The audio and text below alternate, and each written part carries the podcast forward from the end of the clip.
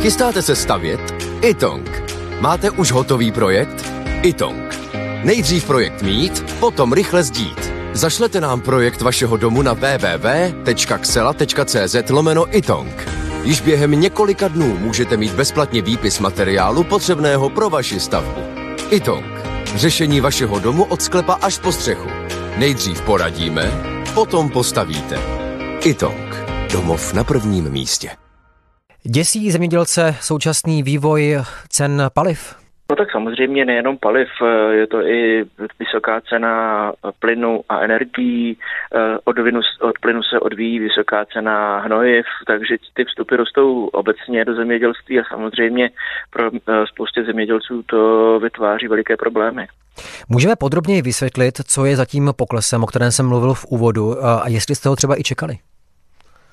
Tak my jsme ho, přiznám se, očekávali. Ono, eh, ten nejlepší výsledek české zemědělství dosáhlo v podstatě v roce 2014 a od té doby ten zisk neustále klesá. Eh, je to dáno dvěmi faktory a to je velmi jednoduché. Ceny se nezvyšují tak, eh, aby pokrývaly výrobní náklady a náklady rostou, takže logicky se musí snižovat zisk.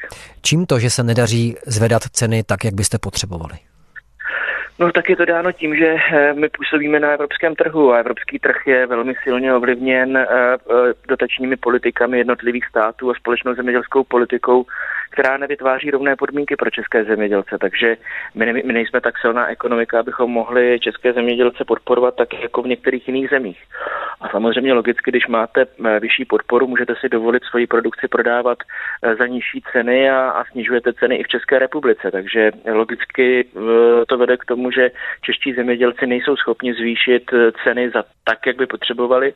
A na druhé straně je potřeba si uvědomit, že České země, Česká republika je specifická tím, že má obrovskou koncentraci zahraničních obchodních řetězců, které vyváří, vytváří enormní tlak, tlak na, na potravináře a přes potravináře i na zemědělce. Samozřejmě na co nejnižší cenu. Myšleno. Ano, očekáváte od vlády Petra Fialy, že třeba bude tlačit na Evropskou unii, respektive, že se bude pokusit prosadit eh, nějakou větší, eh, vyšší cílu v tom pomoc vlastně českým zemědělcům v rámci Evropské unie? Uh, upřímně uh, příliš od vlády pana Petra Fialy neočekávám. Uh, vláda naopak přistoupila k tomu, že od příštího roku bude ještě těm produkčním zemědělcům, kteří čelí nejvíce tomu růstu nákladů a cen, cen vstupů, tak jim ještě odebírá nějaké další dotace v rámci redistributivní platby nad rámec toho, co by mohla takže spíš očekávám, že v příštím roce se ten zisk bude zhoršovat, protože když si uvědomíte, tak ten zisk, když ho přepočítáte na hektary, je zhruba někde ve výši 2600 korun. A právě 2000 korun, nebo více jak 2000 korun chce ta vláda Petra Fialy odebrat zemědělcům příštím roce v rámci uh, nového nastavení zemědělské politiky. Takže hmm. pokud se nám nepodaří zvýšit ceny, za které prodáváme svoji produkci, tak se samozřejmě někteří zemědělci dostanou do ztráty.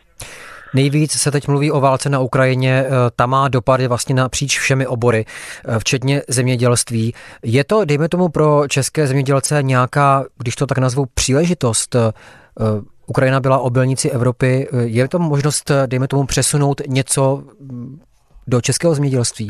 Je to příležitost? Takhle. Je třeba si uvědomit, že co se týká obilovin a olejnin, ty hlavní obiloviny, jako je ozimá pšenice a řepka, jsou už zaseté, takže my ty plochy nezvýšíme.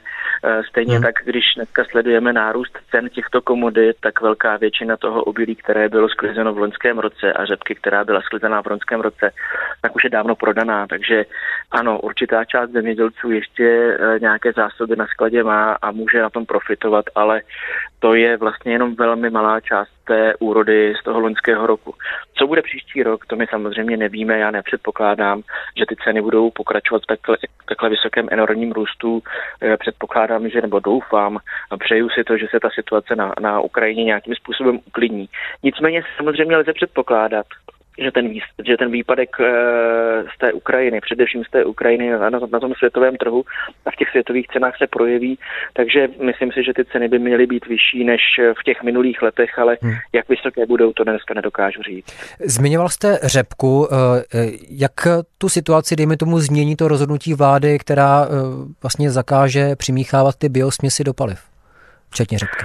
No, aby abych řekl pravdu, tak nějak, protože za prvé řepka už je zasetá, takže my plochy řepky v žádném případě neovlivníme.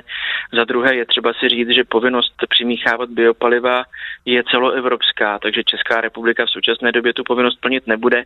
Já samozřejmě můžu chápat ten důvod toho rozhodnutí, nicméně když tu řepku nebudou kupovat české rafinérie, tak i koupí ty rafinérie v zahraničí, protože ty dneska třeba například nakupují palmový olej a dováží ho z mnohem větší vzdálenosti, aby splnili tu povinnost přimíchávat biopaliva, no tak koupí českou řepku. Já si nemyslím, že by se to nějak významně projevilo ve struktuře pěstovaných plodin v České republice.